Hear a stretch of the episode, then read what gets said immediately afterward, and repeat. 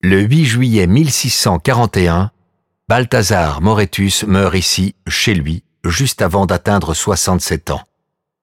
Balthazar est le petit-fils de Christophe Plantin, et donc la troisième génération dans la maison d'édition imprimerie. Le grand Rubens est son ami. Balthazar transforme et agrandit la maison d'édition.